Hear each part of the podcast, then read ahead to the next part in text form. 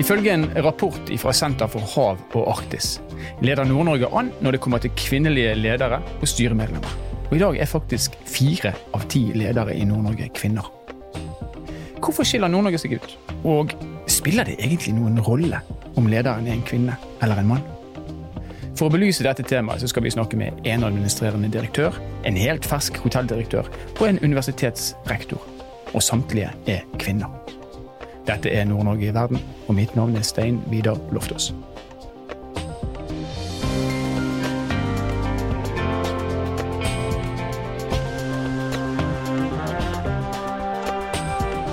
Anne Husbekk, hjertelig velkommen til oss. Takk skal du ha. Du er rektor ved Universitetet i Tromsø, Norges arktiske universitet. Og du er en av medbestillerne til rapporten Sustainable Blue Economy in the Norwegian Arctic. Eh, og i den rapporten her, som handler om blå økonomi, så kommer plutselig et kvinne- eller likestillingsperspektiv inn i bildet. Hva har egentlig det med blå økonomi i nord å gjøre? Jeg tenker at eh, det å ha et kvinneperspektiv er ikke avhengig av hvilken sektor man snakker om. Jeg tenker at det å ha et kvinneperspektiv er helt uavhengig av hva man snakker om, og veldig viktig. Eh, jeg tenker at eh, jeg ble glad da jeg så det som sto i rapporten. Jeg hadde ikke tenkt over det, men noen andre har sagt det motsatte, og da begynte jeg å telle opp de kvinnelige lederne jeg kjenner i Nord-Norge, og tenkte dette kan ikke være riktig, her i nord er det mange kvinnelige ledere. Mm. Og det mener jeg er en god idé. For jeg har sagt mange ganger, og jeg sier det igjen, at eh, vettet er likt fordelt mellom kvinner og menn. Og ønsker man da de beste i en posisjon, så må man ha kjønnsbalanse for å ta ut eh, talentene. Mm. Ellers er det faktisk eh, bortkastet eh, talent. Men hvis vi går direkte på det som er da tallenes tale. Nord-Norge har flere kvinnelige toppledere. De har en høyere andel kvinner generelt i ledende stillinger i forhold til, til Sør-Norge. Det er noen prosents forskjell. Hvorfor tror du det er sånn? Vanligvis så pleier jeg å uttale meg med en viss sånn eh, forskningsbasert bakgrunn, men her blir det litt sånn synsing. Og jeg har ofte tenkt på min egen situasjon i Nord-Norge, og hva slags muligheter jeg har fått nettopp fordi jeg har bodd i Nord-Norge. Eh, det har vært eh, mange spørsmål om kvinnelig professor fra Nord-Norge, og jeg har fått bli med i utrolig mange spennende sammenhenger som har på en måte bygget opp om min karriere, og kanskje der jeg havnet. Mm. Og så er det jo sånn at jeg er jo valgt i den posisjonen jeg er, jeg har jo ikke søkt den jobben. Så jeg er litt annerledes enn mange av de andre lederne som faktisk blitt, har søkt og blitt valgt blant mange. Men eh, kanskje er det sånn at eh, det er lettere for kvinner å, å eh, ha en god karriere i Nord-Norge. Kanskje det er lettere å bli sett kanskje mangfoldet er mer satt pris på i nord. Det er jo mange som har hevdet det i andre sammenhenger. Men jeg er i hvert fall kjempeglad for at kvinner har like muligheter, og kanskje litt bedre muligheter enn menn i denne landsdelen, for sånn er det jo ikke overalt. Nei. Men hvis vi, altså en, i mitt hode, eller mange vil kanskje si at en leder er jo en leder, og det, om du er dame eller om du er mann, det bør være underordna. Hva er forskjellen på en kvinnelig leder og en mannlig leder? Ja, da må jeg bare støtte meg til det andre folk sier. Eh, og kanskje det jeg på en måte opplever litt av selv også. Tror jeg har litt annet eh, perspektiv. Jeg går eh, kanskje, og kvinner går kanskje mindre i krigen, men prøver å løse ting gjennom dialog, samtale og via diplomatiske veier. Eh, over tid så har det vært fokus på likestilling i Norge, og for så vidt i resten av verden.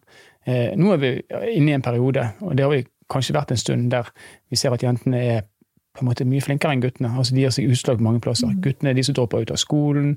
Eh, er det sånn at vi har dyrka jentene over lang tid, og at det kommer til å gå bekostning av guttene? Det er du som er på et universitet, hva tenker du om det? Ja, jeg leste jo med interesse rapporten som Camilla Stoltenberg ledet om ulikheter i skolen, hvor hun påpeker en skjev kjønnsoppmerksomhet fra barneskolen i favør av jentene. Mm. Eh, og at hun foreslår flere tiltak for å hjelpe guttene frem. Nå er det jo sånn i vårt samfunn at eh, jentene er i flertall blant våre studenter, de er i flertall blant våre stipendiater, men det er ikke flertall blant våre professorer.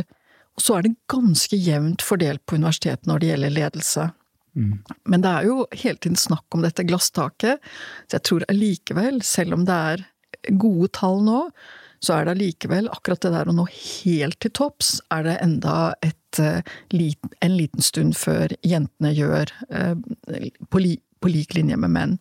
Så igjen så tror jeg at talentene er der. Jeg tror at modenhet er litt forskjellig blant uh, jenter og gutter, og kanskje blant kvinnelige og mannlige studenter en stund. Men så kommer man til et tidspunkt i karrieren hvor menn har en liten fordel, hvis du skal si det, fordi det er midt i den alderen hvor kvinner får barn, og kanskje får et ganske langt opphold i karriereutviklingen, og da er mennene der og tar det igjen. Og da, derfra og fremover, så tror jeg nok at eh, menn ikke har en fordel, men de, de, kommer liksom Det er akkurat de årene hvor det skjer noe med karrieren, og som legger grunnlaget for hva slags stilling man får senere i mm. livet. For mange, men ikke for alle.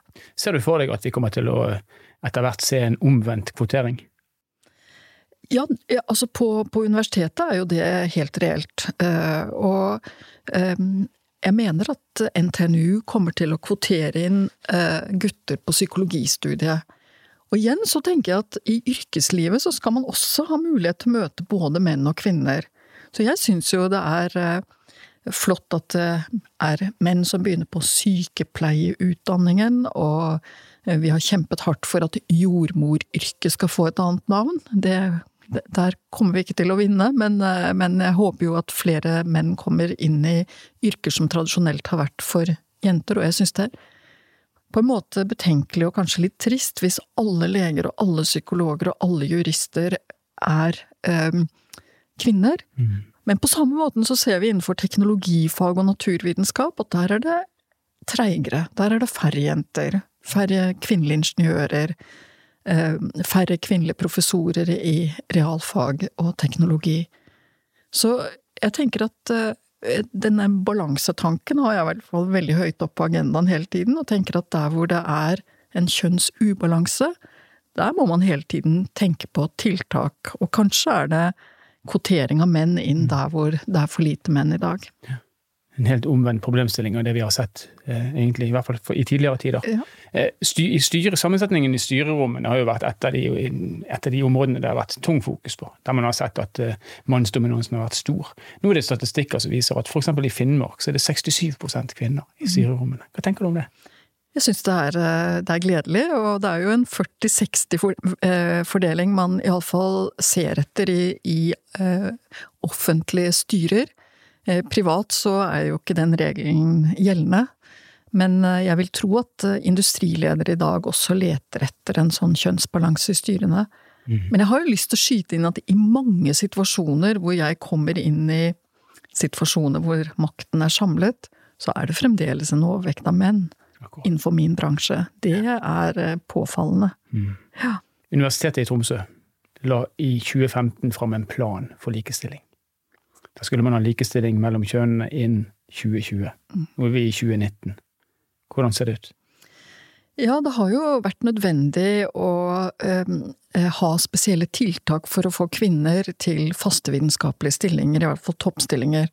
Og der har vi jobba hardt for å få til det. Eh, og den tidligere prorektor Kurt Rice gjorde jo masse for å få flere kvinner inn som professor og dosent, altså på toppstillinger vitenskapelig. Vi har fulgt opp hans arbeid. Han er nå på Oslo OsloMet, og de har gått forbi oss når det gjelder eh, antall kvinnelige professorer, men vi er eh, en god nummer to. Men vi er fremdeles eh, på 30-tallet, kanskje 35, så vi, har et stykke vei å gå til 50% så, så det må vi jobbe videre med å få til. Men på lavere grad, altså blant stipendiatene og eh, vitenskapelig ansatte som ikke har toppstilling, så er jo situasjonen en annen. Der er det likestilling. Allerede. Ja. ja. Og kanskje flere kvinner enn menn i noen eh, situasjoner. Mm. Akkurat. Tusen takk skal du ha, rektor ved Universitetet i Tromsø, Norges arktiske universitet, Anne Husbekk.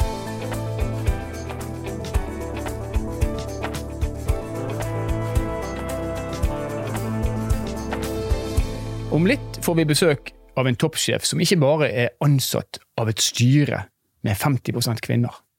Selv har hun også sørget for kjønnsbalanse i sin egen ledergruppe og blant de ansatte. Men først skal vi ta turen til Helgeland. I 2017 tok nemlig Hanne Norgård over som administrerende direktør i Helgeland Sparebank. Og Hanne hun er med oss på telefonen fra Mosjøen. Velkommen til oss, Hanne. Tusen takk skal du ha. Finansnæringen i Norge har jo lenge hatt en jevn kjønnsfordeling. Men de siste årene så ser vi at kvinneandelen den har gått ned, og spesielt blant de yngste. Hvorfor tror du at det er sånn? Du, jeg har lyst til å svare på det spørsmålet litt eh, todelt. Eh, på rådgiversida og funksjonærsida i bank så har jo kvinnfolk historisk sett vært i flertall. Men ser vi på rådgiversida i dag, så har den jobben eh, forandra seg. Den er blitt mye mer salgsretta, det er individuelle mål, det er konkurranse, prestasjonspress. Og det her er forhold som, som i større grad eh, trigger unge menn enn en de kanskje gjorde før. Eh, og derfor har andelen unge mannfolk på salgssida i bankene økt mye de siste årene. Eh, kanskje fordi bankyrket nå i større grad tiltrekker dem. Ser vi på ledersida i bank, så har jo mannfolk vært i flertall, og mannfolk er fortsatt i flertall. Og da spesielt eh, grånende menn i, i mørke dresser. Um, og det er ikke noe annerledes i, på sparebanksida. Andel kvinnelige ledere er lavt, og andel ledere under 50 år er fortsatt mm. lavt. Akkurat.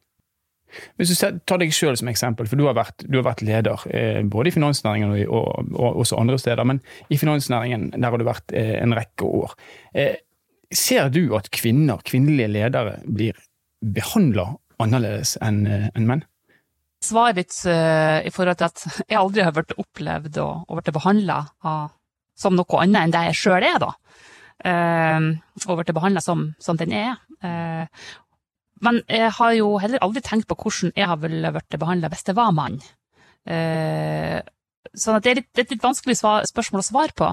Men jeg har aldri tenkt på at jeg har blitt behandla annerledes enn de mannfolkene jeg har hatt rundt meg. Det har jeg ikke det blir jo ofte hevda at eh, kvinnelige ledere, at det finnes fordommer mot kvinnelige ledere. Eh, er det sånn? Jeg har ikke opplevd det i finansnæringa. Eh, der har jeg alltid oppfatta at likestillinga har vært ganske sånn velutvikla. Men den forrige jobben min var at det var øverste leder i et avfallsselskap. Og der var jeg stort sett eneste dame Eneste uten teknisk utdannelse, var eneste under 50 år. Og da, i den bransjen, så opplevde jeg at jeg måtte jobbe veldig mye hardere enn mine mannlige kollegaer for å bli akseptert som like dyktig som deg. Ja. I en mer mannsdominert bransje. Ja. Men hvis du snur på det, da. Vil du, vil du, tenke, og det er selvfølgelig, jeg kan ikke spørre deg om hva du ville gjort hvis du hadde vært mann, men tror du at kvinnelige ledere tar andre beslutninger, eller beslutter på en annen måte enn hva sine mannlige kollegaer? Jeg tror måten et individ fyller lederrollen på, er en veldig god blanding av både personlighet, utdannelse, kjønn, etnisitet og alder. Altså, da sier jeg både arv og miljø. Så i den konteksten, så, så ja, da tror jeg at kvinnelige sjefer tar andre beslutninger og har andre beslutningsprosesser enn mannfolk. Men da tror jeg òg at unge ledere tar andre beslutninger og har andre beslutningsprosesser enn eldre ledere. Så jeg tror kanskje det er personligheten som er den faktoren som gjør det største utslaget. Ja. Men så er det sånn at uh, folk ofte ansetter de som er lik seg sjøl.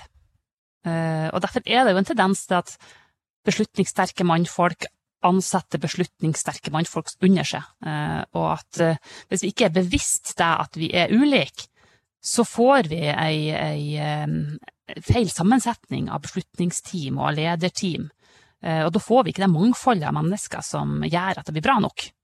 Ensartede miljø gir færre perspektiver, og altfor like erfaringer gir sånn gruppetenkningstendenser.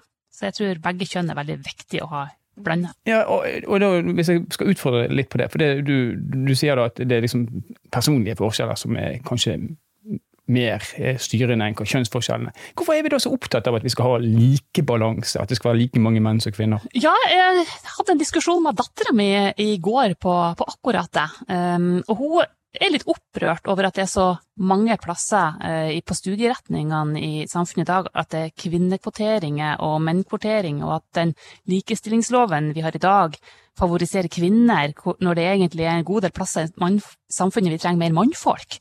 Eh, inn, annet f.eks. I, omsorgsyrker.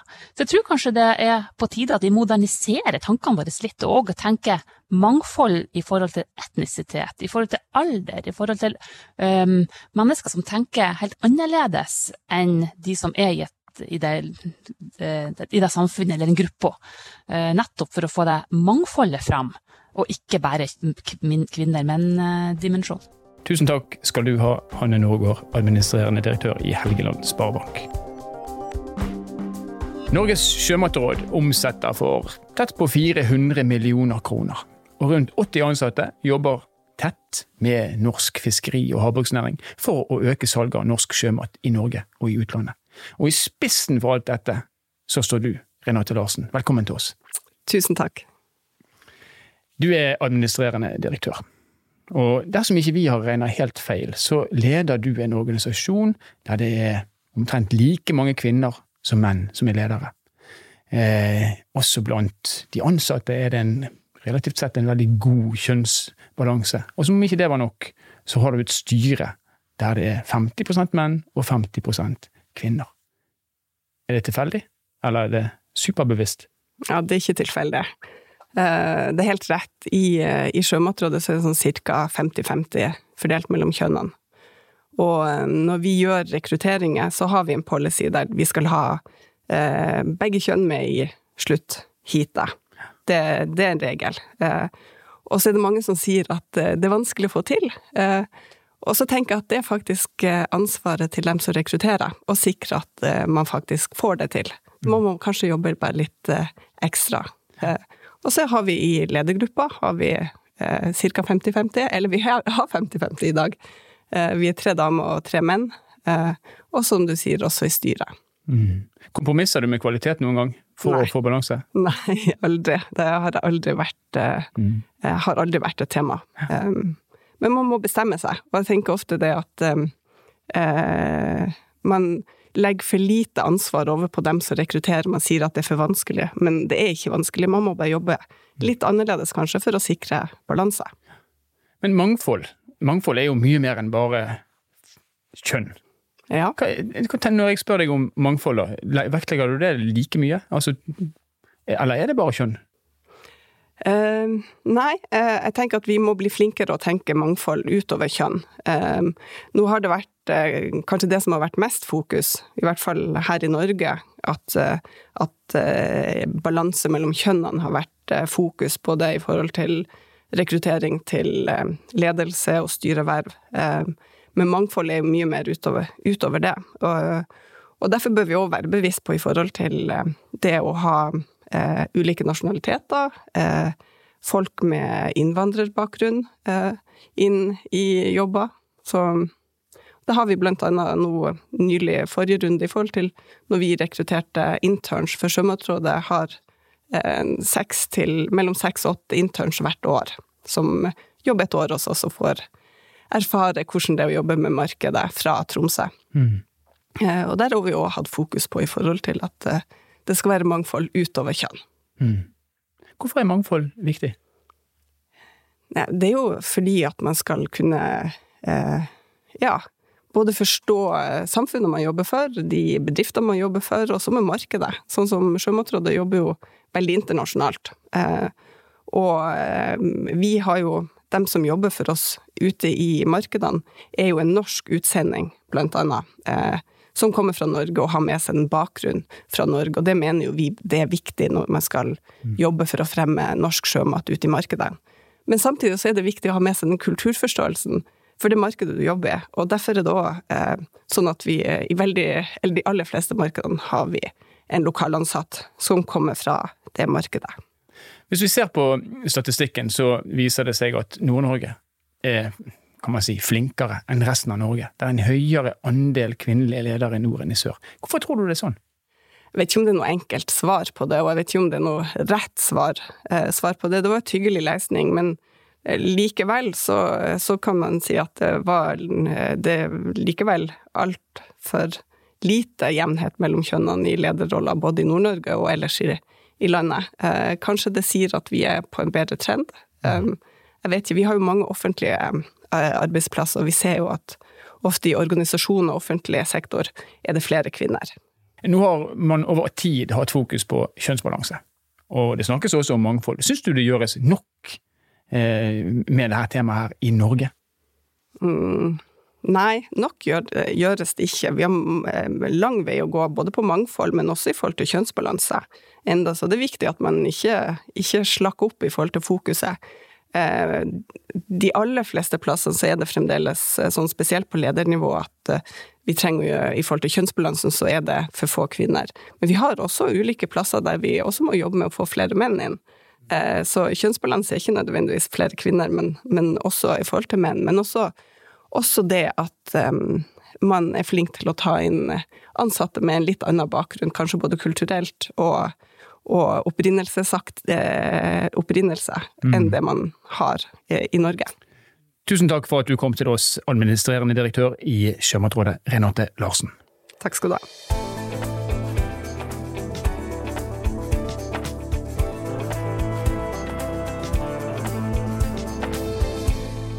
Ung kvinnelig og helt ny direktør på Hotell The Edge i Tromsø.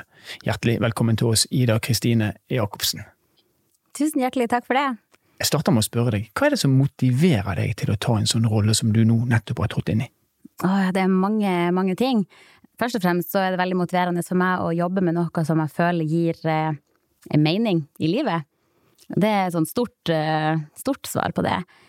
Eh, for først og fremst så påvirker du jo hverdagen til det teamet du jobber sammen med. Eh, og da være bevisst på å si påvirkningskraft, det er viktig for meg, og noe som er viktig at jeg bidrar positivt til.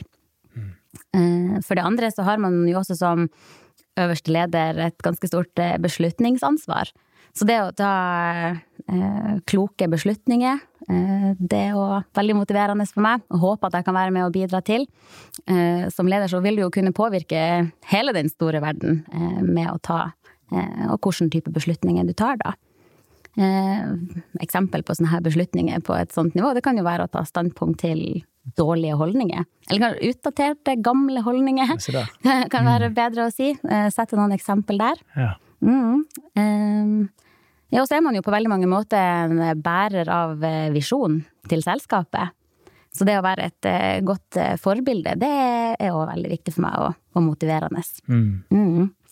Um, og i tillegg på Clarion the Edge så er det jo et, et, mangfold av mennesker, både i alder og fra hele verden. Så det å få lov å bli kjent med, med dem og få lede det beste du har i verden, det, det er veldig kult. Eh, og så har jeg eh, i tillegg alltid hatt en litt sånn rar greie med at eh, jeg kanskje har blitt trigga litt ekstra de gangene jeg får motstand. Eller hvis noen betviler mitt ambisjonsnivå, da får jeg en liten sånn faen i meg, jeg skal vise dem at, det, at det går. Så, så, det er en liten motivasjon i seg sjøl. Eh, tenker du at det er Altså, har det noen betydning om en leder er en kvinne eller en mann? Jeg vil si nei. Jeg, vil si at det er dine personlige egenskaper og kvaliteter som, eh, som, som er det aller, aller viktigste, da. Uh, og at, uh, og at man har et oppriktig ønske om å være en, en, god person og se dine ansatte. For meg så er en god leder en som gir meg veldig stor grad av tillit. Som ikke vingeklipper meg på noen måter, men som lar meg få lov å utnytte mine sterke sider. Og det tror jeg du kan gjøre uansett om du er mann eller, eller mm. kvinne, da. Um, men, men, det med, med, tillit, ja, og det å vise forståelse for at uh, livet har mange forskjellige faser man kan stå i, det er viktig. Så en empatisk leder er nok ja, Viktigere enn en kjønn? Ja, jeg vil si det. Ja. ja. Men nå er det jo selvfølgelig veldig urettferdig å spørre deg om hvordan du skal eh, ta hensyn til mangfold i din stab, og du har en stab som er prega av mangfold. Mm. Men hvis du ser litt fremover, da. Hva, hvilke bevisste valg kommer du til å ta som leder for å sikre mangfold i din stab på hotellet? Mm. Det, eh, for meg så er egentlig det her med mangfold det er noe som kommer helt naturlig. Eh, og i den bransjen som vi er i, så, så, eh, ja, så ligger det i ryggmargen og egentlig i hjertet. For det er jo klart at et mangfold av gjester fra hele verden, det krever også et mangfold av kompetanse og erfaring fra hele verden. Og en forståelse for, for akkurat det. Så Eh, så det er jo klart at men i en teamsammensetning så er man eh, veldig det er veldig viktig at man har komplementære ferdigheter. Og vi har mange arbeidsoppgaver som skal utføres, så, så, så klart jeg kommer til å være bevisst eh, på å bevare det mangfoldet som er, men, men det ligger også naturlig, vil jeg si, i den, den, bransjen som jeg er i. Ja, for man skal være på kanal med veldig mange forskjellige mennesker. Ja, det, det skal man være. Og så er jo samfunnet er jo mangfoldig. Altså alle kan ikke være 30 år, alle kan ikke bo i by. Alle kan ikke like de samme tingene. Eh, så det at, at, at samfunnet er mangfoldig i seg sjøl, tenker jeg at hvis man ikke er bevisst på det, så, ja, så tror jeg kanskje man kan oppsummere problemet med verden i en setning. Ja. Hvis du skal se litt inn i fremtiden i Nord-Norge, risikerer vi at vi plutselig får et veldig kvinnedominert Nord-Norge? Eh, jeg, jeg, tror nok at det vil balansere seg ut, og at årsaken til at det har vært sånn, er fordi at eh, det alltid har vært sånn, hvis man kan si det på den måten. At det at flere kvinner skal inn, det kan jo være at eh altså Historisk sett så er det jo mannfolk som har dominert, så det å slippe slippe damer til. Det har jo vært en endring, og endring det syns jo alle er kjempeskummelt. Og så har man kanskje sett etter hvert at det her, det går jo fint, det blir tatt kloke beslutninger også av damer, og at, eh, og at man ser mer og mer at det her, det er nødvendigvis ikke kjønnsbasert om du er dame eller mann som har noe å si, men hvordan du er som person. Så jeg, jeg tror ikke at man skal frykte at eh, damer skal ta fullstendig over, og at det skal være noe negativt, men forhåpentligvis så er det eh, god ledelse man ser etter, først og fremst helst eh, om det er dame eller mann. Det, ja. Fremtiden i Nord-Norge skal altså preges av solide ledere. Det skal preges av mangfold, og i mangfold så skal vi snakke om mye mer enn bare kjønn. Tusen takk til deg, Ida Kristine Jacobsen. Tusen takk for at jeg fikk komme. du har hørt på Nord-Norge i verden. Denne podkasten er produsert av Sparebank1 Nord-Norge i samarbeid med Helt Digital. Musikken du har hørt er produsert av Emil Karlsen. Mitt navn er Stein Vidar Loftaas. Vi høres i neste episode.